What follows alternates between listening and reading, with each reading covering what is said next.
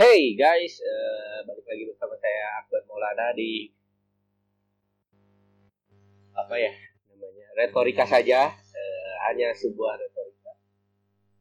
Uh, apa kabar? Udah lama tidak membuat uh, karya rekamannya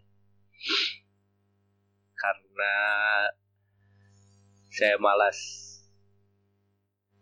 tidak ada penontonnya dan sebetulnya tidak harus tapi dan mungkin kesibukan dan kemalasan bersatu untuk menahan saya untuk tidak membuat podcast lagi. Dan kali ini uh, kenapa saya membuat podcast lagi? Karena saya pengen.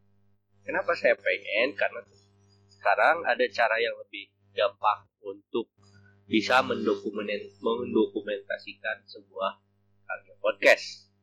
Ya tentu saja. Oh iya juga waktu kemarin eh, apa laptop saya tidak kuat untuk melakukan rekaman. Apa tidak lagi podcast. Eh, sekarang mau bahas apa ya? Saya tahu. Saya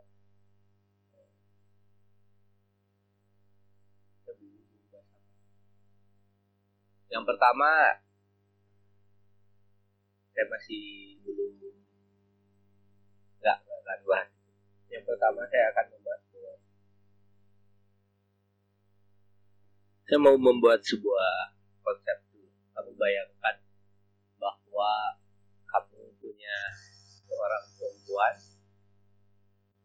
Perempuan ini di, di apa dilecehkan diperkosa terus kemudian laki-laki itu minta maaf dan setelah minta maaf laki-laki itu selamat dan tidak terjadi apa-apa lagi.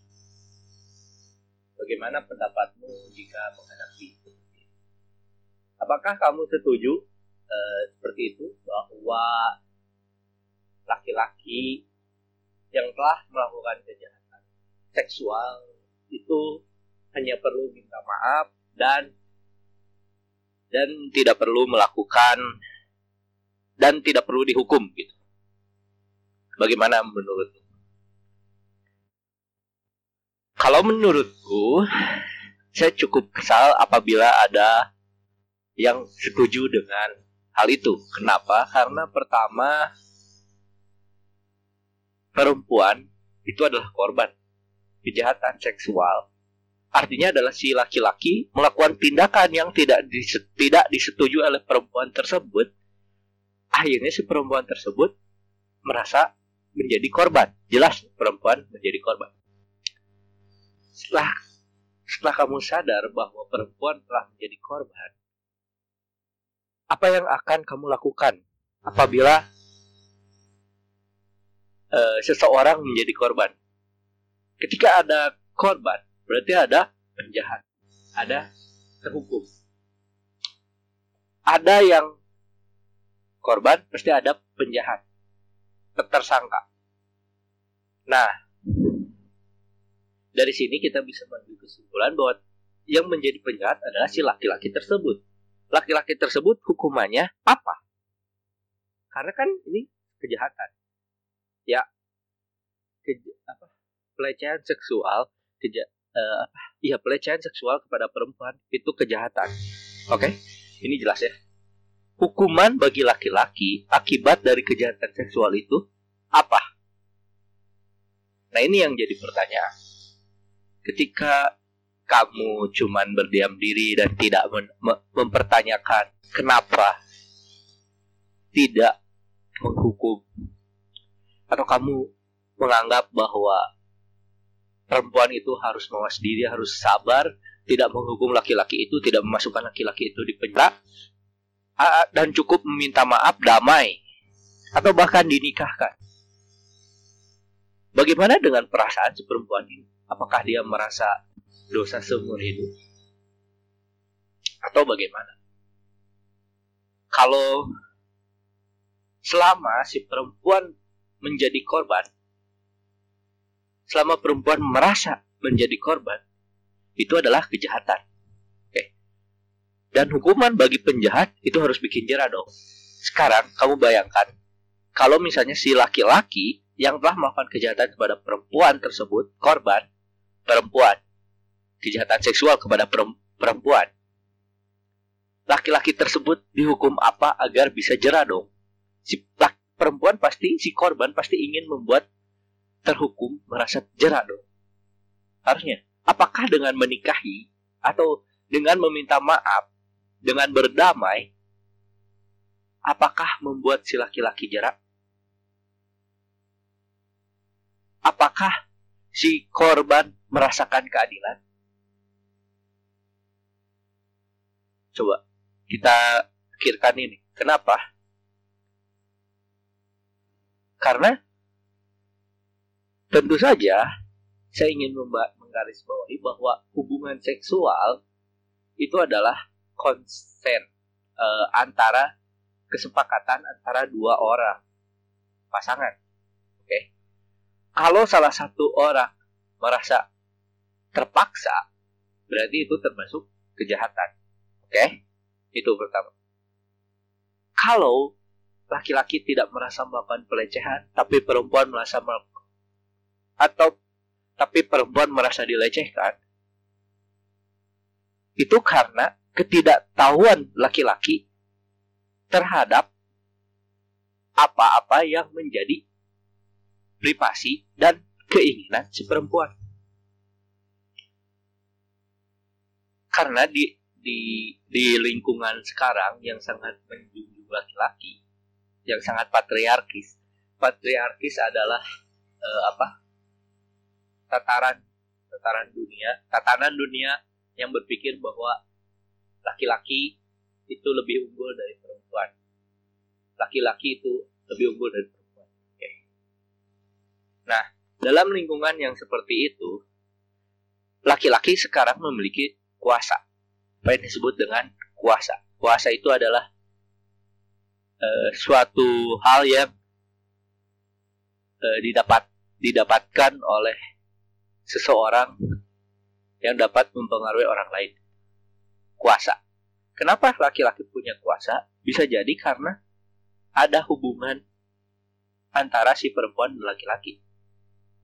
Perempuan dan laki-laki merasa uh, apa? punya hubungan, terus laki-laki merasa berkuasa atas perempuan tersebut dan akhirnya dia melakukan penindasan, penindasan atau mungkin sedikit penindasan karena ya mungkin penindasan-penindasan kepada perempuan karena merasa laki-laki memiliki kuasa lebih daripada perempuan. Kalian pernah menyadari ini nggak betapa laki-laki berasa merasa lebih berkuasa terhadap perempuan daripada perempuan lebih berkuasa terhadap laki-laki. Dan banyak wacana yang mengatakan begitu. Mengatakan bahwa laki-laki harus eh, perempuan harus nurut sama suami harus sabar harus bagaimana bagaimana jadi relasi kuasa yang tidak seimbang ini akhirnya perempuan menjadi korban. Dan ketika perempuan menjadi korban itu jatuhnya adalah kekerasan seksual. Ini juga nah ini juga be, uh, ya itulah pokoknya. Nanti kita bahas ke R, ne, uh, eh, RUU penghapusan kekerasan seksual ya. Uh, jadi ini ada kaitannya Nah, jadi si perempuan ini berpikir bahwa uh, dia tidak memiliki kuasa untuk menghukum si laki-laki. Oke. Okay. Jadi si jadi kayak perempuannya terkungkung gitu, kayak terpenjara gitu. Kenapa? Karena si perempuan yang menjadi korban ini tidak memiliki dukungan dari sekitarnya. Katanya kalau perempuan telah seperti itu, itu dianggap aib. Harus disembunyikan. Harus ditutup-tutupi. Tidak boleh disebarkan. Karena uh, jadi aib gitu. Padahal hukumannya yang jelas adalah perempuan harus bersuara dong. Karena perempuan itu tertindas tertindas oleh si laki-laki pada saat uh, tindakan kejahatan seksual dan tertindas oleh lingkungan yang membuat si perempuan tidak mendapatkan keadilan dari apa yang dia dapatkan. Tindakan yang dia dapatkan sebelum dua.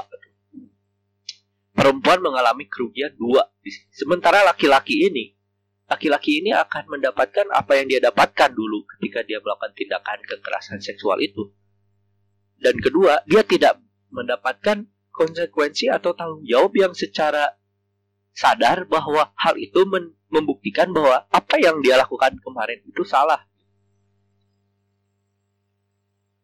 Apa yang membuat si laki-laki ini menjadi sadar, menjadi jerak untuk melakukan hal itu lagi jika hanya hukuman bagi si laki-laki tersebut adalah se sekedar bukan hukuman penjara atau dan sebagainya yang lebih keras dari sekadar minta maaf begitu. Begitu ngerti?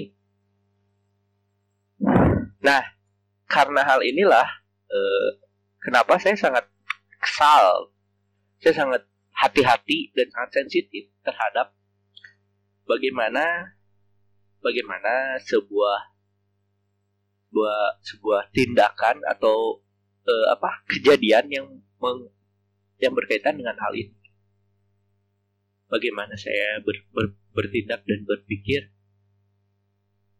kepada tindakan yang uh, mendukung perempuan yang yang merasa menjadi yang merasa menjadi korban.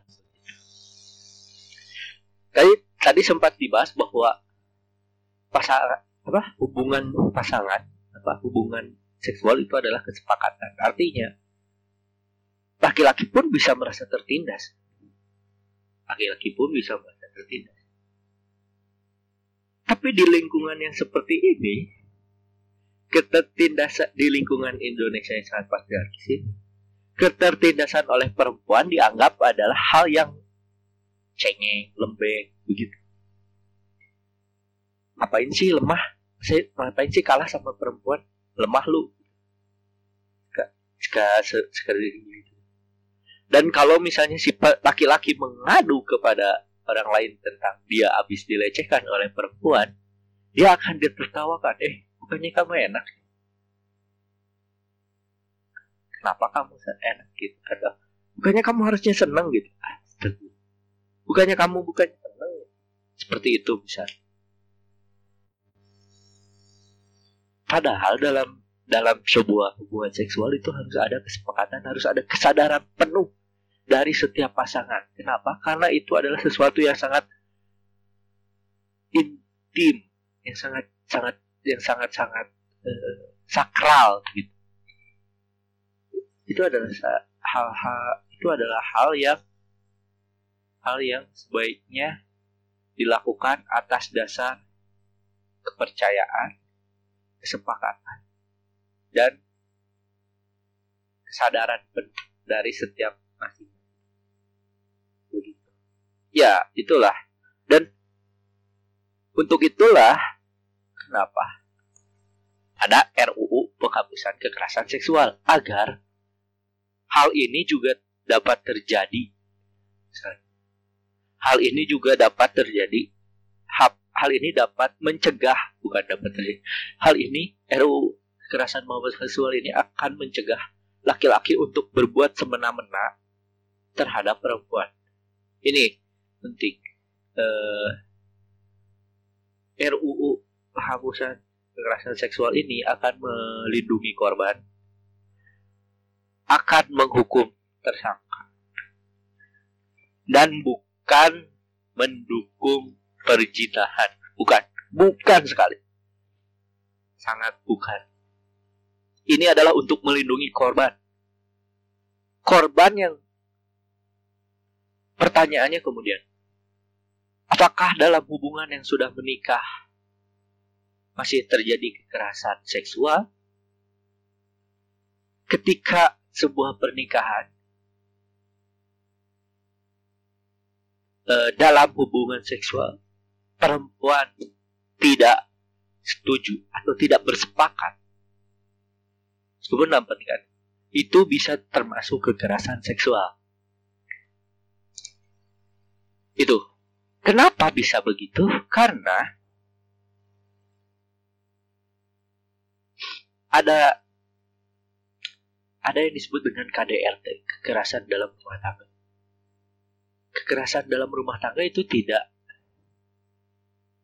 ada kaitannya dengan kekerasan seksual apabila ada dalam KDRT itu ada juga kekerasan seksual gitu jadi kekerasan seksual dalam rumah tangga juga ada jika tidak ada kesepakatan. Sekali lagi kuncinya adalah kesepakatan antar pasangan. Begitu. Nah, itulah ya untuk usaha untuk mencegah hal-hal seperti kejadian e, perempuan tidak merasa dilindungi ketika telah terjadi setelah terjadi bagaimana si korban ini mendapatkan e, apa psikologinya pemahamannya, kebangkitannya uh, bahwa bahwa si perempuan ini dapat dapat ber, uh, dapat hidup setelah kejadian yang sangat trau traumatis itu si kekerasan seksual itu kan sangat trau traumatis ya bagi perempuan. Bagaimana gitu itu itu juga ya seperti itulah.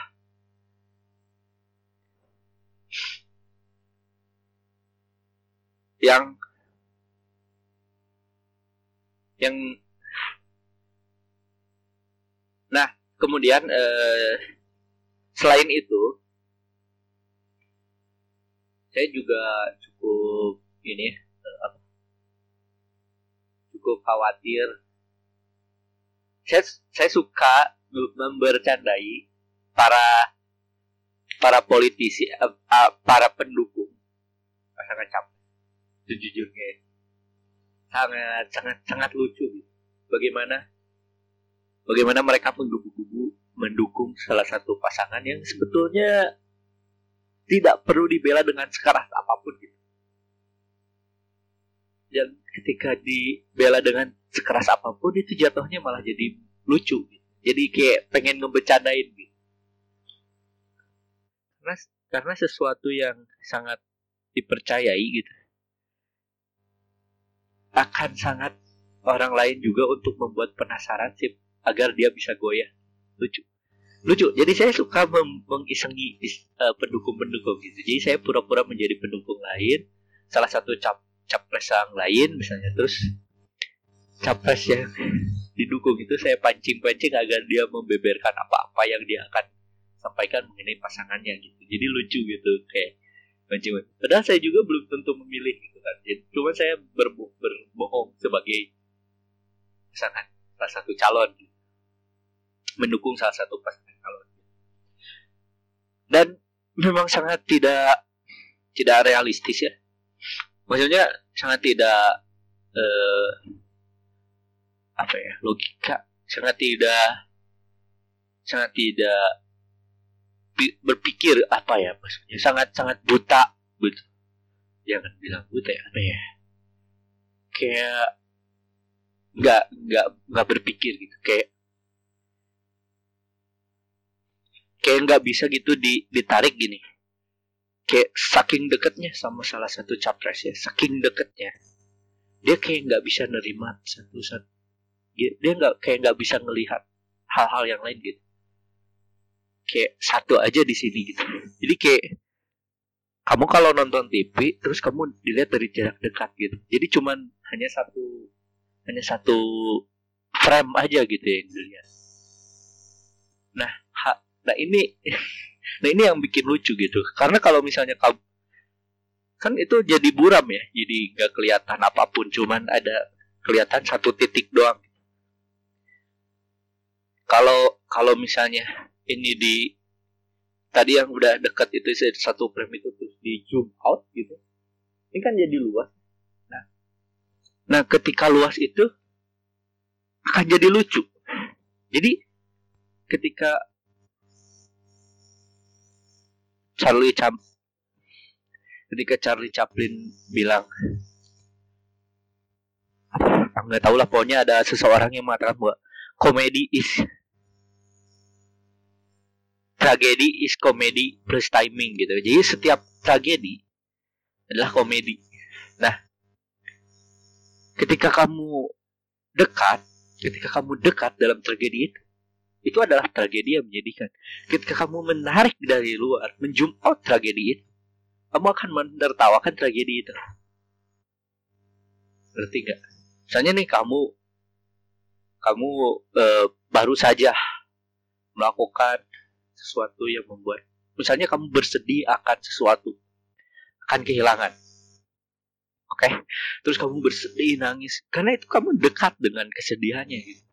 Terus kamu bayangkan 10 tahun kemudian terus kamu ingat-ingat lagi 10 tahun yang lalu kamu nangis kamu akan mentertawakan betapa kamu merasa kamu itu gele jijik gitu. Kayak melihat kamu tuh jijik 10 tahun yang lalu gitu. Itu adalah ketika kamu menzoom out. Nah ketika kamu dalam pilpres dalam eh, kaitannya dengan kenapa saya suka menganggap bahwa buzzer-buzzer atau yang mencintai salah satu paslon dengan kukuh itu adalah karena mereka terlalu menzoom in, terlalu mendekatkan kepada si wajahnya, sehingga dia tidak sadar bahwa itu adalah hal yang lucu. Nanti ketika tahun 10 tahun kemudian dia akan sadar bahwa kok saya ngapain sih kayak gitu kayak ketawa gitu malah jadi lucu gitu jatuhnya. Dan saya sadar bahwa memang lucu. Ketika ketika saya menzoom out kayak melihat kiri kanan gitu emang lucu gitu. Kayak kayak seneng mancing mancing apalagi kalau dipancing pancing jadi lucu gitu. Ya mungkin memang harus harus harus seperti itu. Setiap kejadian itu harus bisa melihat dari dua sisi berbagai sisi gitu. Jadi akan menemukan sesuatu yang lebih berharga. Akan lebih mendapatkan sesuatu yang lebih bermakna. Mungkin mungkin. Ini baru 22 menit. Rencananya 30 menit berarti ber, berarti ada 7 menit lagi. Dan saya juga mau bahas soal RUU permusikan ya.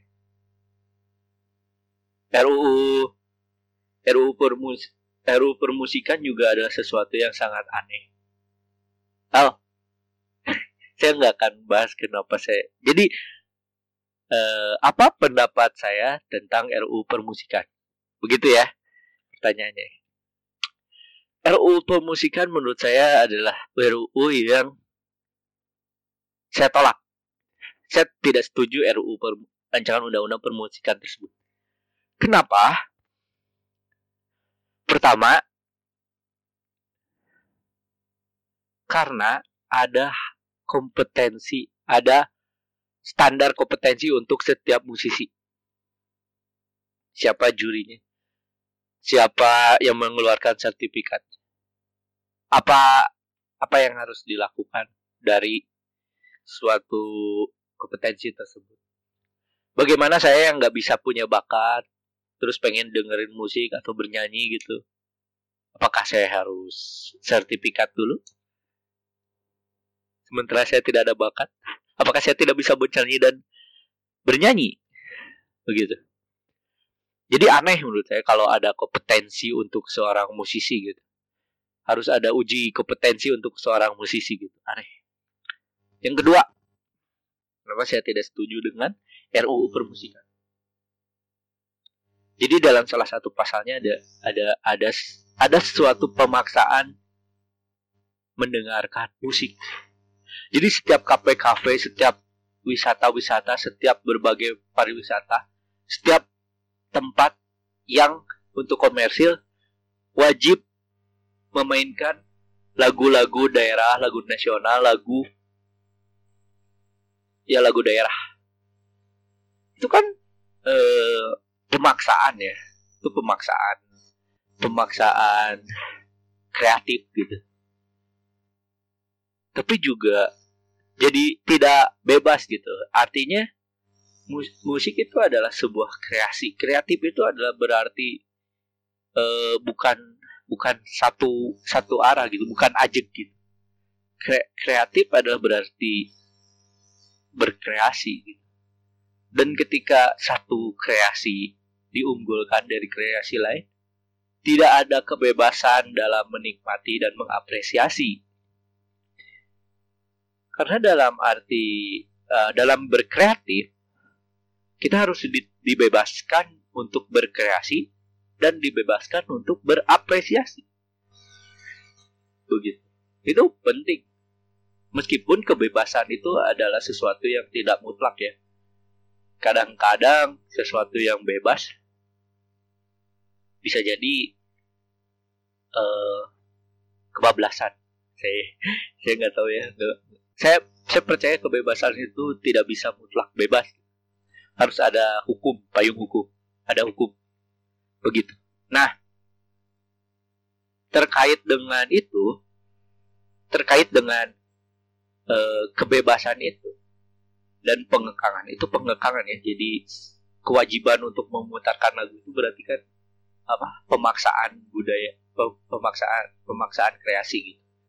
Terus juga ada pemaksaan kreasi yaitu mewajibkan penyanyi luar untuk men, untuk dibuka oleh musisi lokal atau membawa musisi, lokal atau bagaimana gitu.